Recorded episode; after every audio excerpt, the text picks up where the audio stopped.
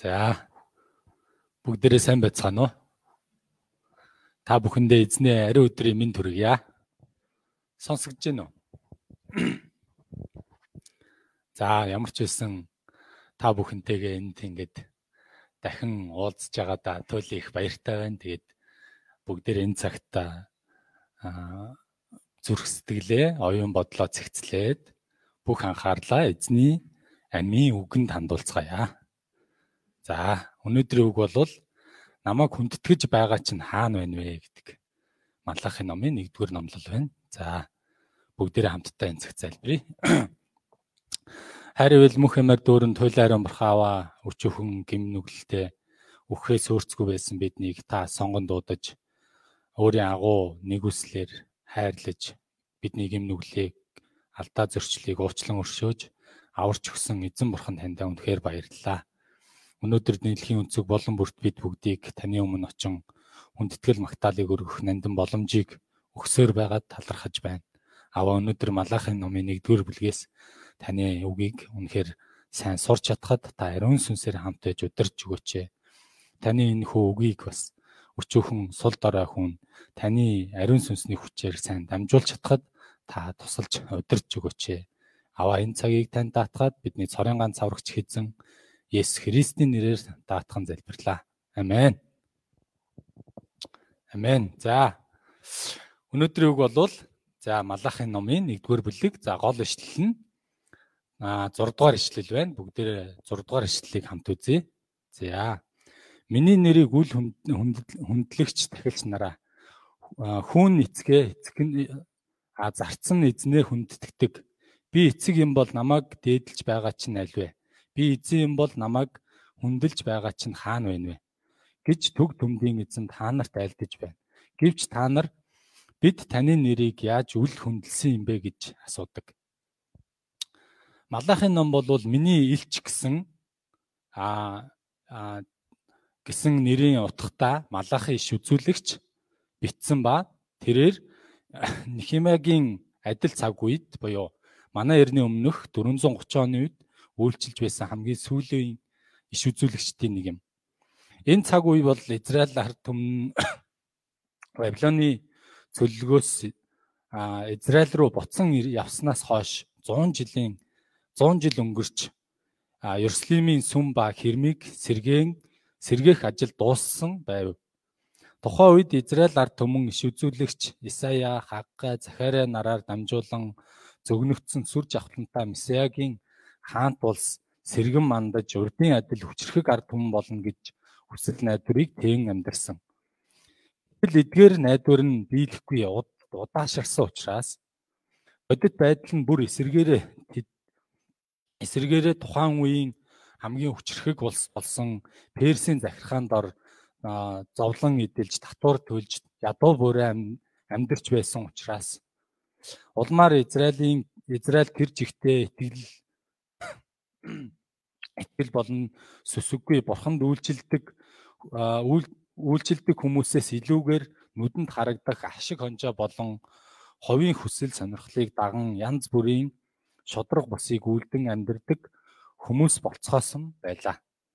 Тэд бурхны тухай эргэлзээ төрж шантран итгэл нь улам доройтон ялзрах болсон юм.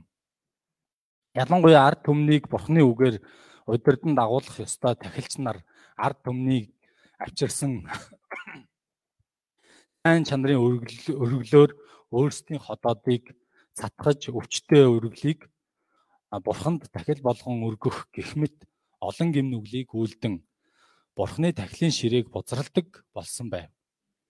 Ийхүү сүнсний удирдагчт нь удирдагчдын ялзарлын дунд ард өмнч мөн бурханд авчрах 11-ийн өргөл өргөлд хандах итгэл итгэмжгүй болж итгэлийн дороотолд нь тухайн үед нийгмийн бүхэлд нь автсан байна. Мөн гэр бүл салалт ихсэж харь үндэстнүүдтэй гэрлэх явдалч газар авсаар байсан. Улмаар бурхны ард түмэн гэсэн цэвэр ариун байдлаа алдаж байв. Израилийн сүнсний байдал гаднаа ихтгэлтэй юм шиг бүхнийг гүйлддэг боловч эдгээр нь ёс төдий, хэлбэр төдий болж худал хуурмаг ба хуулийг үл тоомсорлон амьдарч байваа. Тэд бурхны аа тэгээд бурхан иш үзүүлэгч Малахайгаар дамжуулан зөв буюу сануулгыг өгч байна.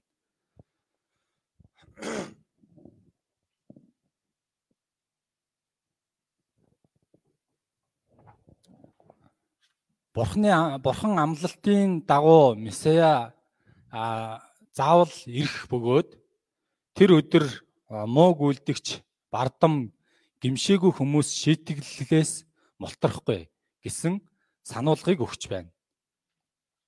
Гимссэн хүмүүс нь Месаягийн хаанчлалын ерөөлийг эдлэх болно.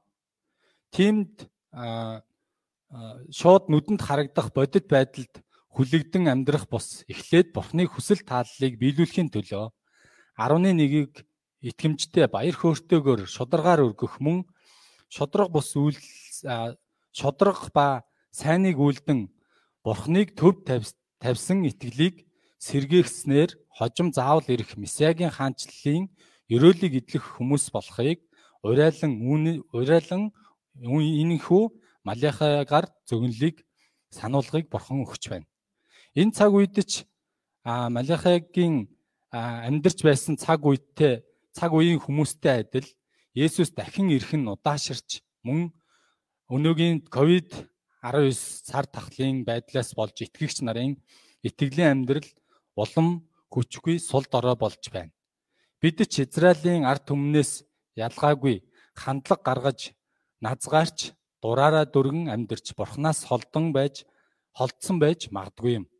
Тиймээс Малахын номоор дамжуулан Бурхны өгч би сануулга ба хайрыг дахин ухаарч гимснэр итгэлээр дахин сэргэж чадахыг хүсэн гуйж байна. Амен. Нэг та нарыг би та нарыг хайрлсан. Нэгдүгээр ишлэгийг үзээрэй. Нэгэн зүн Малахигаар дамжуулан Израильд хандсан эзний үг. Энд зүн гэсэн Бурхны хатуу шийтгэлийг анхааруулж буй сануулга юм. Яг л хөл бөмбөг тоглож би тамирчин дөгдөг шар худас гэж ойлгож болно. Хөл бөмбөгийн хөл бөмбөгийн тэмцээнд тамирчин санаатай болон санамсаргүй алдаа гаргах үед шүүгч шар худсыг өгөн сануулга өгдөг. Хэрвээ үүнийг үл тоон тэмцээний үед дахин алдаа гаргах юм бол тухайн тамирчин дулаан хуудас өгөн талбайгаас гаргадаг. Үүнчлэн бурхан ч Израилийн гмийг хараад сануулга өгч байна. Тэд үүнийг хүлээн авч өөрсдийн гим буруугаас эргвэл уушлагдах болно. Харин сануулгад хайн хандаж үл тоомсорлох юм бол шийтгэл ба сүрлийг амсах болно. Бурхан бол туйлын шодрог бөгөөд гим ба зөвхт бос байдлыг жигшдэг бас заавал шийтгдэг бурхан юм. Түүний бурхан түүний сор бүтээл өөрийнх нь сор бүтээл болсон хүн гиммийн замаар алхаж буйг бурхан хараад түүний сэтгэл ямар байх вэ? Мэдээж маш их өвдсөн. Тэгээд сануулга өгснөөр гимээ ухаан гимшхийг бурхан хүсэж байна. Сануулга өгч буй бурхны зориг бол шийтгэлтэй бус. Харин хайрлсан бурхны аврал хайр юм а. Одоо бүгдээрээ хоёрдугаар хэсгийн эхний хэсгийг үзээрэй. Би та нарыг хайрлсан гэж эзэн бурхан айлдаж байна. Гэвч та нар би таны та биднийг яаж хайрлсан юм бэ гэдэг. Бурхан тэдэнд сануулга ба зэмлэлийг өгөхөөс өмнө тэдэнд хандсан өөрийн хайрыг илэрхийлж байна. Хүн бурхан миний хайрын эсрэг та нар ямар байгаагаа ухаараач а ямар байгаагаа хараач гэсэн санааг мөн хэлж өгч байна. Бурхны энэхүү хайр нь агапе буюу болцсошгүй болцолгүйгээр хувиршгүй агуугаар хайрладаг хайр юм. Тиймээс энэ бурхан өн эртнээс өдгөө хүртэл Израилийг болцсошгүй хувиршгүй хайраараа хайрласаар байгаа шүү гэдгээ хэлж өгч байна. Израильд Египтэд боолчлогдсон фараоны дарангуйлал дор мүлжлэг дор зовлон шаналлаар дүүрэн амьдарч байсан цаг үе бий. Тэд өөрсдийн хүч чадлаар Египтийн болцлоос чөлөөлөгдөн гэвэл энэ нь хизээч боломжгүй зүйл байсан. Ийм тэднийг бурхан өрөвдөн хайрлаж өөрийн хүчит мотраараа фараоныг цогсноор тэднийг аварч өгсөн юм. Бурхан тэднийг өөрийн ард түмэн болгон гэрээ байгуулж сүү бал бэлгсэн Канаан нутгийг ч тэдэнд өгөв. Тэд тэнд ивэл өрөөлийг бэлхэм дүүрэн идэх болсон юм.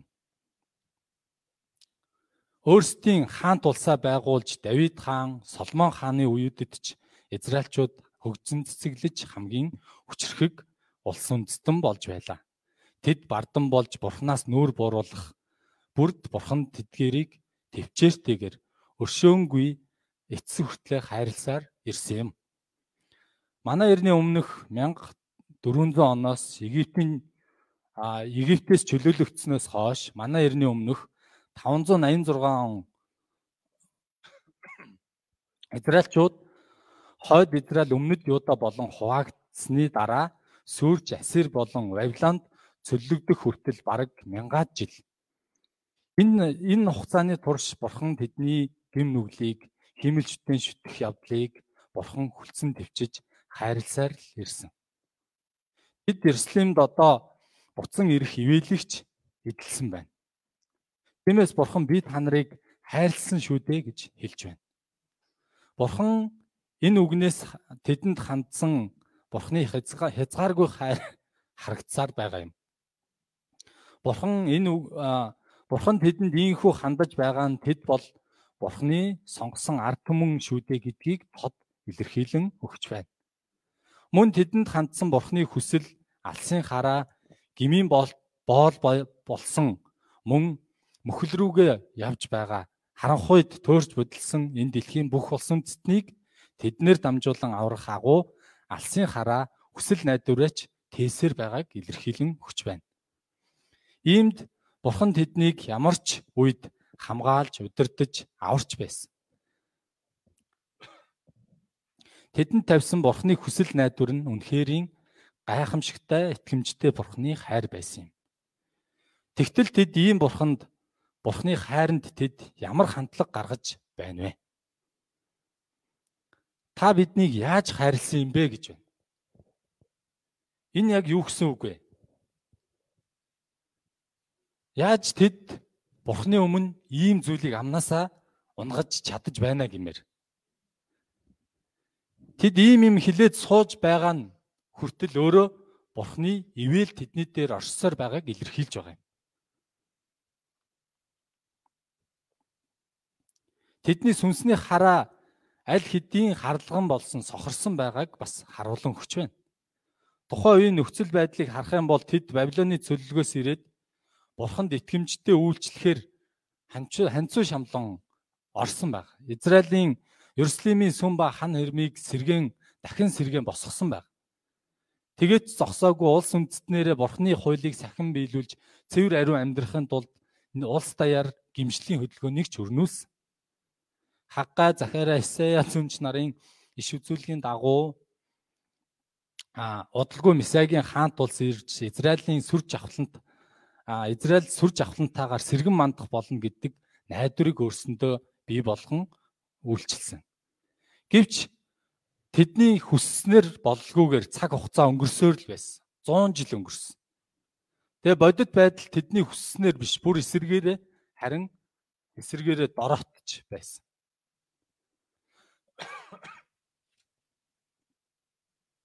Тэдний найдлага тасарч Бурхны хайранд эргэлзэх болсон. Бурханд итгэсний ашиг нь юу юм бэ гэж хүртэл бодох болсон. Ийхүү эргэлзээг тээх болсон тэд Бурхны өмнө ёс төдий, хэлбэр төдий а зовлон дунд Бурхны өгч байгаа тэр агуу хүсэл найдвар Бурхны хайрыг олж харах хараагаа алдсан баг.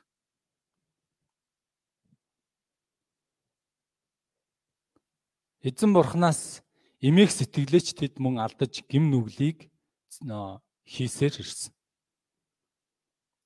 Энэ бүхэн зөвхөн Израильчууд Израиль ард түмний асуудал биш мөн өнөөгийн бүх итгэгч бидний ч асуудал юм. Бурхны алдрын төлөө ам амьдрал ам амьдралаа зориулан итгэлээ сахин амьдарч золиос зориулт гарган бурханд үйлчилснээр үйлчилсээр ирсэн ч бурханд үйлчлэхийн төлөө өөрийн болон гэр бүлийн хүсэл хүслийг дагалгүй, хүсэлд нийцүүлэлгүй итгэлийн шийдвэр гарган нарийн замыг сонгон амьдэрсэн. Тэгэл сургууль болон ажлын хажуугаар зарим нь гэр бүл үр хүүхдээ ч хоош тавьж, зарим нь хайртай дотны аав ээж, найз нөхөд, ах эгчийгч хоош тавин харгалзах сөхөөгүйгээр сайн мэдээний ажилчин болдог. Чуулганд үйлчилж, бусдын төлөө зуучлан залбирч, хондод нэг нэгийн хичээлээр үйлчлэн амьдардаг. Тэгэхдээ бид тэгхдээ Бурхны одоо миний бидний золиос зориултыг а мөн итгэлийн шийдвэрийг Бурхан заавал өрөөж их болно гэж найдлага тээдэг. Ажил болон гэрлэлт, үр хөвгөд, эд хөрөнгө, санхүү мөнгө, эрүүл мэнд гэд бүх тал дээр бүхий л асуудал окей болно гэж найддаг. Энэ бүхэн мэдээж буруу биш. Гэхдээ а бүх зүйл яг бидний хүссэн шиг байдаггүй. Энэ бүхэн а энэ бүхэнд бид бүхний а тэр хүсэл найдвар маань а цаг хугацааны ирэхээр яг бидний хүссэнчлэн бид нэр яадаг вэ? Агдгүй бүр эсэргээрээ болох үеч байна. Мэдээж а Бурхны хайранд эргэлзэх үеүч төрдөг. Өөрийн хүссэн цаг цагт найдсан зүйл маань биелэхгүй байгааг хараад цөхрөн төвчээр барагдаж эхэлдэг. Итгэлээр амьдрах нь ямар ашигтай юм бэ гэж бодоход хүртэл хүрдэг. Энэ байдал нь цааш дамжирсах юм бол Бурхны агуу хайр ба түүний хүслийг ойлгохгүй болж шантарч итгэл болон сүнсний хараагаа алдаж хэлбэр ёс төдий шашинлаг итгэгч болж амьдардаг. Яг л израилчуудын адил сүнсний дороотолд унахаас өөр аргагүй болдог. Иймд бурхан эргэлзээ ба эргэлзээ ба үл итгэлийг үл итгэлд автсан тэдэнд хандан та нарыг би хайрлсан шүү дээ гэдгийг нэгэн жишээгээр дурдж байна. Сапа Яаквыг дурдж байна. Хоёрын Б хэсгийг үзэх юм бол эзэн тунхаглаж байна. Эсав нь Яаковын ах босуу. Гэсэн ч би Яаковыг хайрлаж хүний ёсоор бол хүний ёсоор бол бурхан ууган хүү болох Эсавыг хайрлах сонгох ёстой байсан. Харин бурхан өөрийн эрх эмтлийн дагуу Исав Яаковыг сонгон хайрлсан юм. Гэвч бурхан Исавыг үзен ятсан гэж байна. Энэ нь сэтгэл сэтгэл хөдлөлөөр үзен ядсан гэсэн утга бос. Харин бурхан өөрийн эрхийн дагуу сонгосноо сонголтоо хийж Исав харагдсан гэсэн утгатай. Энэхүү бурханы эрхийн дагуух сонголт ба хайрын хайраас а хасагдсан Исавын үр удам үр удмын хувь заяа нь Яаковын үр удмын хувь заяагаас өөр байсан. Тухайлх юм бол Исавын үр удам болох Ядом нь Ядом үндэстэн Яаковын үр удамтай бас мөн адил Израильтай Вавилонд Вавилоны цэргүүдэд эзлэгдэж эзлэгдсэн боловч Ядом нь бүр мөсөн сүрч харин Израильчууд эргэн Иерусалим руугаа очиж бас сэргийгдэж байгааг сурч байна. Дөрөвдүгээр ишлэлийг үзэх юм бол Йодом дахин босно гэсэн бардамнан хэлсэн ч бурхан тэднийг би дахин нураана гэж байна. Бусад улс үндэстэн ийм тэднийг хараад гим нүглэн нь эзний зүйцлийг мөнхөд хүргэсэн гэдгийг ухаарах болно гэж байна. Эндээс харахад бурханд итгэдэг ба үл итгэдэг хүний ялгаа нь хэр том юм бэ гэдгийг мэдэж болно олон хүн итгэгч ба үл итгэгч хоёрын ялгаа нь юу юм бэ гэж асуудаг. Үндэ нэх их ялгараад ах юмгүй юм мэт харагддаг. Хүний амьдрал болсон хойно зовлон жаргал хосолсоор байдаг. Гэхдээ адилхан зовлон учирсан ч үр дагавар нь өөр өөр байдаг. Итгэгч хүн зовлон бэрхшээлээр дамжуулан Бурхны ивэл дор шижир алтчиг итгэлтэй хүн болж өөрчлөгддөг. Ром номыг үзэх юм бол Ром 5-ын 3-аас 5-ыг үзвэл төвчээр нь а түүгэрч барахгүй мөн зовлонтойдоо баярладаг. Учир нь зовлон төвчээрийг төвчээр нь батчлыг батчлан найдварыг төрүүлгийг мэднэ гэж байна. Гэвч үл итгэгч хүмүүсийн хувьд бол зовлонтой үедээ гомдлон гутарч муу хувь хувь заяандаа автан харанхуй амьдардаг. Эдвэд итгэх ямар ч итгэл найдвараа алддаг. Харин бурханы хайранд итгэгч нь дахин дахин босдог юм. Үүний нэг жишээ нь Йосеф юм а. Йосеф уг нь бурханы хайрыг маш ихээр авсан боловч тэрээр хин хүнээс илүүгээр асар их зовлон амссан. Ах нартаа ад ад шоо болж тулах шахсан. Мөн худалдаачдад боол болон зарагдсан. Тэгээ Египтэд очоод зарцлагдаж хүчирхийллийн гэмтнэр хилмигдэн шоронд хүртэл орсон байна. Харин тэрээр ийм нөхцөл байдлын дунд Йосеф бурхны хайранд итгэж түүнтэй хамт алхасаар хүнд хэцүү ба зовлон муу хувь заяаг хувь заяаг ялан дийлж чадсан юм. Үгээр зогсохгүй эцэст нь тэрээр Египтийн ерөнхий сайд хүртэл болж Бурхны агуу авралын ажилд нанднаар хэрэглэгдсэн юм. Бурхан биднийг өөрийн эрх мэдлээр сонгож болцсогүй хайраар хайрлсан.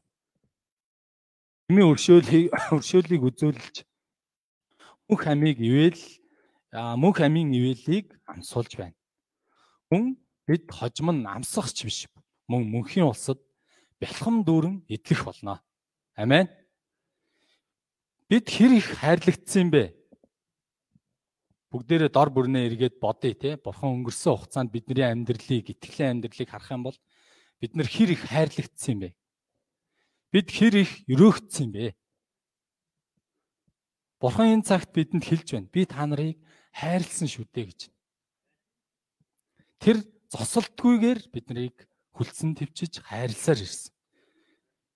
Гимтээ сул дорой боловч биднийг сонгон авч хайрлаж авралын ажилдаа нанднаар хэрэглэн үр жимстэй утга учиртай баяр хөөртэй амьдрахыг зөвшөөрсөн юм. Амен. Бурхны хайрыг дахин сурцгаая.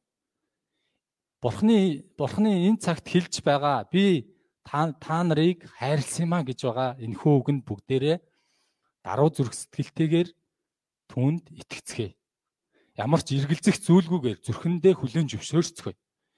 Тимээ химэн бурханд хандан хэлж бурхантай хайрын харилцаагаа бат бих болгон сэргээж чадахыг хүсэн өрөөж байна. Амен. 2. Намайг хүндэтгэж байгаа чинь хаана байна вэ? Одоо бүгдээрээ 6 дугаар эслэлийг үзээрэй. 6-гийн эхний хэсгийг үзэх юм бол Бурхан эхлээд тахилчдыг тахилчдын доройтол ба ялцралыг илчлэн зэмлж байна. Миний нэрийг үл хүндлэгч тахилч нараа хүүн эцгээ зарцсан эзнээ хүндтгэдэг. Би эцэг юм бол намайг дээдэлж байгаа чинь альвэ? Би эзэн юм бол намайг хүндэтгэж байгаа чинь хаана байна вэ? Хүндэтгэн гэдэг нь Бурханд алдрыг өргөн, Бурханд хамгийн сайныг өргөн, Бурханыг хамгийн нэн тэргүүндээ тавихыг хэлж байгаа. Израильчүүдийн хувьд эзэн Бурханаа хэрхэн хүндлэх ёстой вэ гэдгийг тэд хамгийн сайн мэддэг байсан. Гэхдээ энэ үгнээс харах юм бол тэд Бурхныг яаж сайн хүндлэхээ мэдхээ болсон байна. Тиймээс тахилч нар Бурхны нэрийг үл хүндэтгэж байгаа нь Бурхныг хэн болохыг болохыг нь үгүйсгэж мөн Бурхныг доромжилж байгаа гэсэн үг юм. Бурхныг үл үл тоомсорлсон гэсэн утгатай.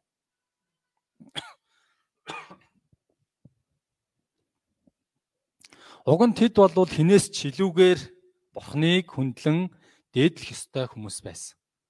Мөн бусдад Бурхныг хэрхэн хүндлэх ёстойг заадаг, заах ёстой хүмүүс байсан. Гэвч тэд тгээгүү. Эцэг хүн үр хүүхдээ маш их хичээр, маш ихээр хичээнгүйлэн хайрладаг.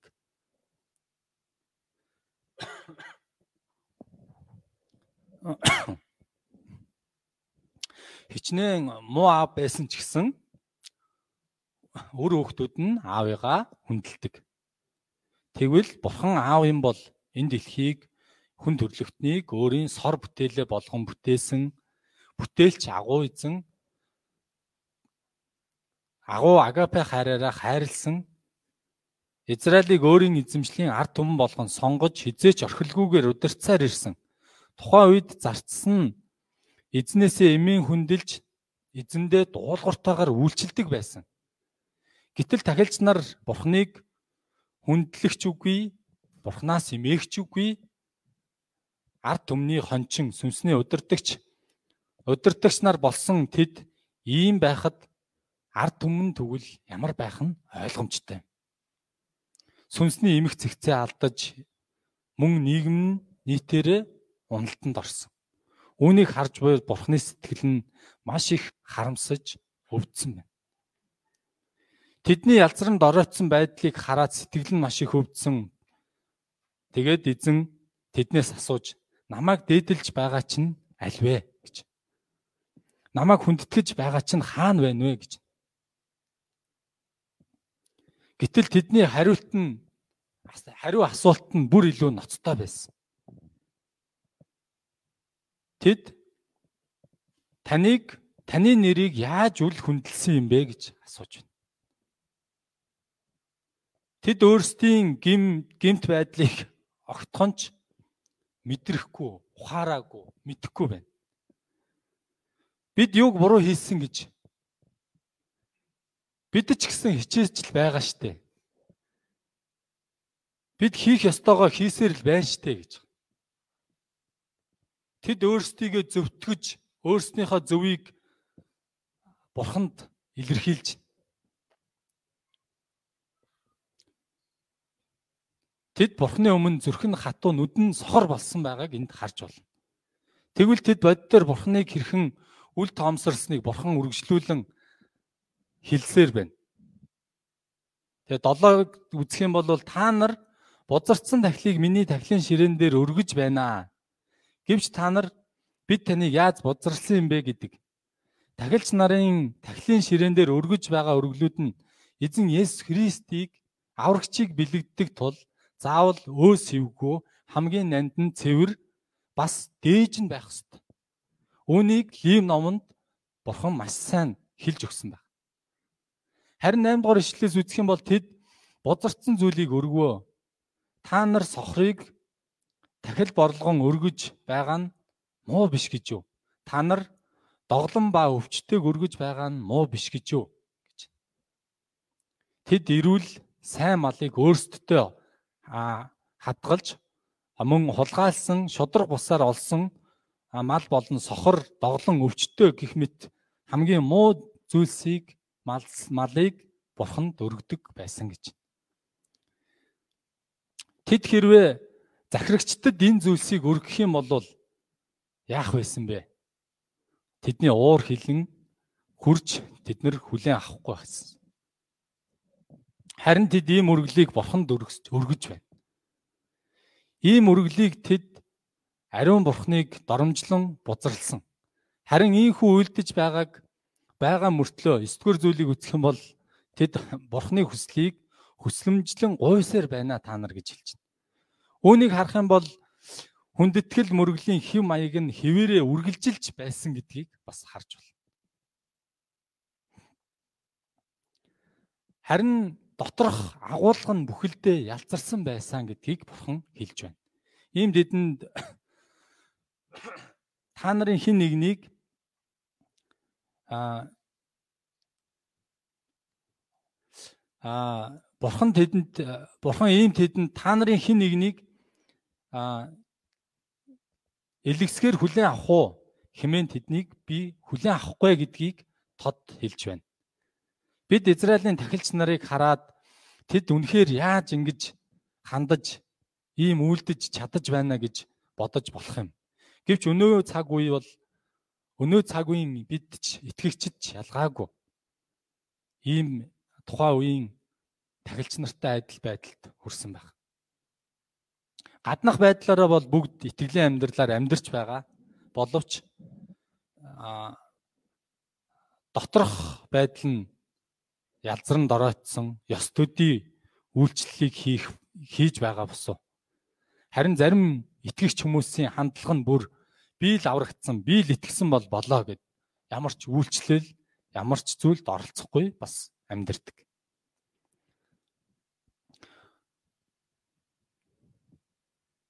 Бидний өргөж буй хүндэтгэлийн цуглаанч бас Бурхны хүлээн авахгүй бодзартсан өргөл хүндэтгэл мөргөл болсон байж магадгүй юм. Өнөө үеийн бүх итгэгчид бүгд сүнсний тахилчид юм а. Гэвч үнэхээр Бурхны а Бурхныг дээдлэн хүндэлж байгаа эсхээ бид маш сайн нэгтлэн эзний үгээр харах хэрэгтэй. Бидний итгэлийн амьдралын он жилүүд нэмэгдэх тусам улам төлөвшөж улам бүр бурхныг эмээн хүндтгэдэг. Өөрийгөө үгүйсгдэг даруй зүрх сэтгэлтэй эзэн Есүсийг дуурайн амьдрах хэрэгтэй. Бурхны мөн чанарыг, Бурхны хүсэл тааллыг улам сайн таньж мэдэн Бурхантай хамгийн нандин харилцаатай болох хэрэгтэй. Гэвч бидний бодит байдал тийм биш үеуд олон байдаг. Уг нь хүндэтгэлийн цуглаан өргөх нь Бурхантай харилцах нандин цаг юм. Бурханд өргөх нандин тахил юм а. Тиймээс энэ цаг үеийг хамгийн чухал тооцсон залбир залбирал дотор сайн бэлдэн оролцох хэрэгтэй. Өмнөх өдрийн оройноос л эхлэн зүрх сэтгэлээ бэлдэж эрт амарч эрт босож эрт ирэн залбирч сэтгэл ба сүнсээр эзний өмнө очих хэрэгтэй. Тэр бид маргааш маргааш нь болзоонд очноо, болзоонд явнаа гэвэл эсвэл маргааш бид ерөнхийлөгчтэй уулзнаа гэвэл эсвэл авалт ч юм уу янз бүрийн шоун цэнгэнд очноо гэвэл бид яадаг вүлээ. Хүн а бид ямар ч бэлтгэлгүйгээр яалт сандран хоцорч өмнө ирэх юм бол эзэн энэ бүхнийг таалан хүлээн авна гэж юу мөргөлийн цаг цаг цагт санаа бодлоо.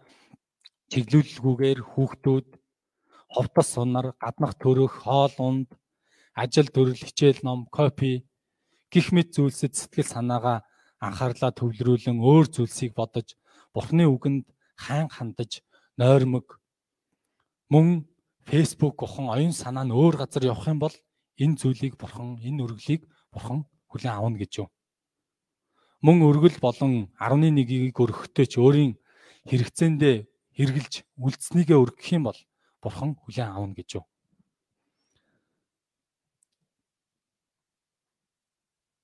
Энэ бүхэн а өөрийн ажил төрлийг хийх ихэнх цагаа зориулаад үлдсэн цагаараа бурхны ажлыг хийн гэвэл яг л израилчүүдийн адил сохор доглон өвчтөе өргөлийг өргөсөнтэй адил юм а. Бурханд хамгийн сайныг нь бус эсэргээр хамгийн мууг өргөж бурхныг үл тоож байгаа хэрэг юм. Бид ийхүү үл хүндлэх хандлагатай ёс төдий өөрийгөө зориулдаг мөртлөө бурханд өөрийгөө зориулж байна. Би хийх зүйлээ хийж байна. Би итгэлийн амьдралаар амьдарч байна гэж мөн бурхан а надтай хамт байж өрөөлийг өгөх болно гэж бодох юм бол энэ том эндүрэл болно.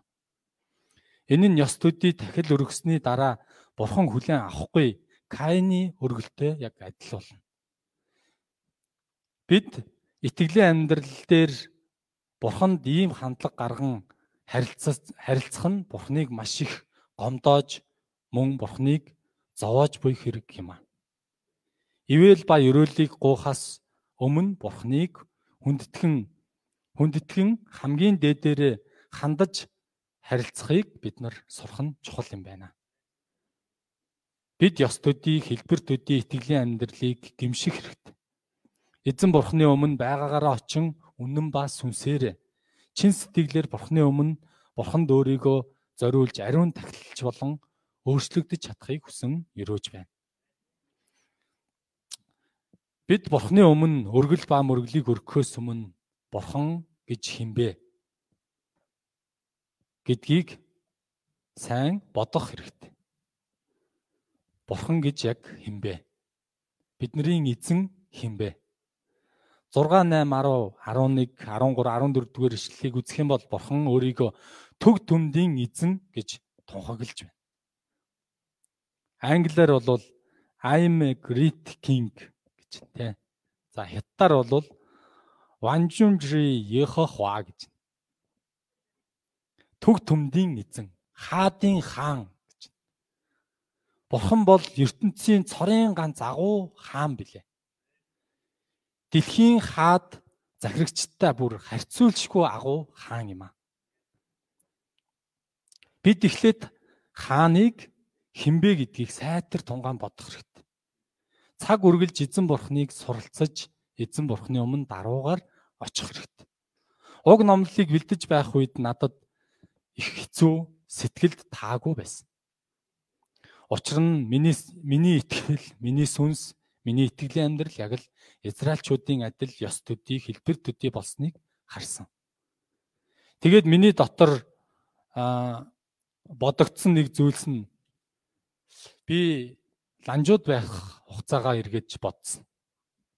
Ланжуу хотод хүнд хэцүү цаг үед эзэн хэрхэн хөтлөн дагуулж унах үед босгож цангах үед ундаалж хангаж ивэж өрөөж байсан бүхэн тэр бүхэн ямар агуу гайхамшигтай бурхны хайр ивэл бурхны удирдлага байсан бэ гэдгийг дахин сансан.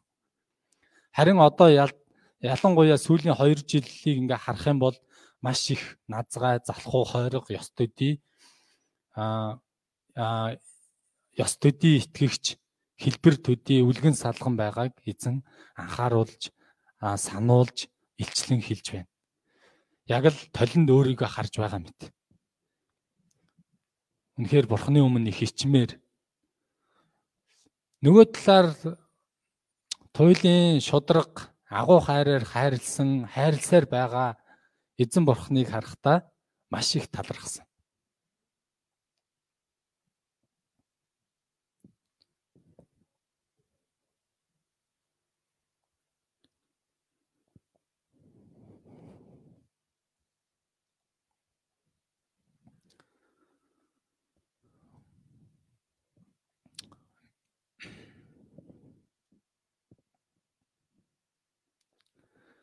Миний гим нүгэл сул доройг буруу замаар будаа тээж явааг. Яг л байгаагаар нь ийхүү хилдэг. Агуу бурхан хумхын тоос төдий өчүүхэн хинч биш зөксгүй. Надад хандан зэмлэл анхааруулга сануулга хайрлж байгаа нь аа үнэхээр агуу ивэл юм аа Гимшил болон талархлыг өргөхөөс өөр хийж чадах зүйл үнэндээ алгаа. Эзэн минь мөхс намайг өөрийн оршихугаасаа бүх холдуулаач. Эцсийн амьсгалаа авах хүртэл эзний өмнө талархлыг өргөж амьдрах амьдрахад тусалж өгөхийг эзэн Есүсээс гуйж байна. Амен. Дүгнэлт Өнөөдрийн номлолоор Бурхны хайранд эргэлзэх, итгэлээр унах, гмийг үлдэх, а гмийг үлдсэн ч түүнийгээ ухаарахгүй, гмий мэдрэмжгүй болох итгэлийн амьдралаар амьдралыг ямар ч үр ашиггүй хэмээн харах, бодох, сүнсний сохор байдалд очих энэ бүхэн зовлон зөвхөн зовлонгоос болдог биш юм байна гэдгийг сурч болно. Харин хэд бодит байдлыг бодит байдалд автах, бодит байдлыг харж, бодит байдлыг чухалчилж, эд баялаг болон мөнгөнд шунах явдал, нэр алдар болон хувийн карьер, амин хувь бодох, би гэдэг өвчнөд автах, дуулуургүй бардам зангаас болдог гэдгийг өнөөдрийн номлолоор сурч болно. Улмаар гмийн боол болж ямар ч үн цэнийгүй утга учиргүй эцэст нь бурхны шийтгэлийг хүртгэхээс өөр аргагүй амьдралаар амьдрах болно. Ямар ч нөхцөл байдлын дунд амьдарч байсан бурхны хувиршгүй итгэмжит агуу хайр ялангуяа цорын ганц хүүгээ өгөх хүртлээр хайрлсан аврала ивэлийг бялхам дүүрэн өгдөг энэ бурхны итгэмжит хайрыг тунгаан бодох хэрэгтэй. Мөн бус мөн бурхны өгсөн Бурхны төгс сайн удирдлага байгаа гэдэгт үргэлж бат итгэн а Бурхны үг болон зарилгаас зууран амьдрах хэрэгтэй. Тэгэхэд бид асуудал зовлон дунд эргэлзээ ба үл итгэлийг даван туулж яг л Йосопийн адил Бурхны хайр ба амлалтанд итгэн тууштай, төвчээртэй урагшилж чадах юм аа. Эзэн Бурхны өгч буй сануулга анхааруулгыг хүлээн авч даруй сэтгэлээр эзэн Бурхан дээр очинд чин сэтгэлийн гимшлийг өргөж Бурхны хүсэл тааллын дагуу хүнээр өөрчлөгдөн, өрөөгдсөн ялалтын амьдралаар насан турш амьдарч чадахыг хүсэн гуйж байна. Амен. За хамтдаа залбирая. Хайр ивэл мөнх амар дүүрэн туйлын ариун бурхааваа үнэхээр Израильчуудын адил бид нарыг сул дорой бас сэтгэлээр хүчгүй болсон хэлбэр төдий өвлгөн салхан гаднахаар гаднах байдлаас харах юм бол таныг дагж байгаа, таныг хүндэлж байгаа, танд үйлчилж байгаа, танд итгэж байгаа юм шиг гэвч доторх мөн чанараараа таны өмнө зогсгүй байгаа биднийг та зэмлж, анхааруулж, сануулга өгч өөрийн хайр ивэлтэй амийн үг сургаалаа өсөр байгаад үнэхээр таны өмнө талархаж байна. Эзэн минь та өнөөгийн манай чуулганы бүхий л итгэгчдийг өнөөгийн бүхий л улс үндэстнийг бүх дэлхийн ертөнцийн байгаа бүх итгэгчдийг эзэн минь та гимшүүлж өгөөрэй. Та өрөөж, та ухааруулж, эргүүлж, өөрлөгөө хандуулж өгөөрэй гэж гуйж байна. Эзэн минь энэ энэ газар дээр энэ улс үндэстний дунд та биднийг илгээсэн учраас та сонгосон учраас та хайрлсан учраас агуу хүсэл найдвараа бидний дээр тавьсаар байгаа учраас танд үнэхээр талархаж байна. Таны хүсэл таалал энэ газар дээр биелэлээ олох болтугай. Таны алдар энэ газарт дүүрж бид эцэс хүртлээ таныг алдаршуулдаг. Эцэс хүртлээ таныг дагдаг, танд талархдаг хүмүүсээр амьдрахад эзэн минь та биднийг өрөөж, удирдах, адислаж өгөөч бүх алдар магтаал нь танд байх болтойгоо бидний бүхий л гим нүглийг илчлэн ухааруулж гимшүүлж өгөөч. Бүх бүх зүйлийг танд даатгаад бидний цорын ганц аврагч эзэн Есүс Христийн нэрээр даатхан залбирлаа. Амен.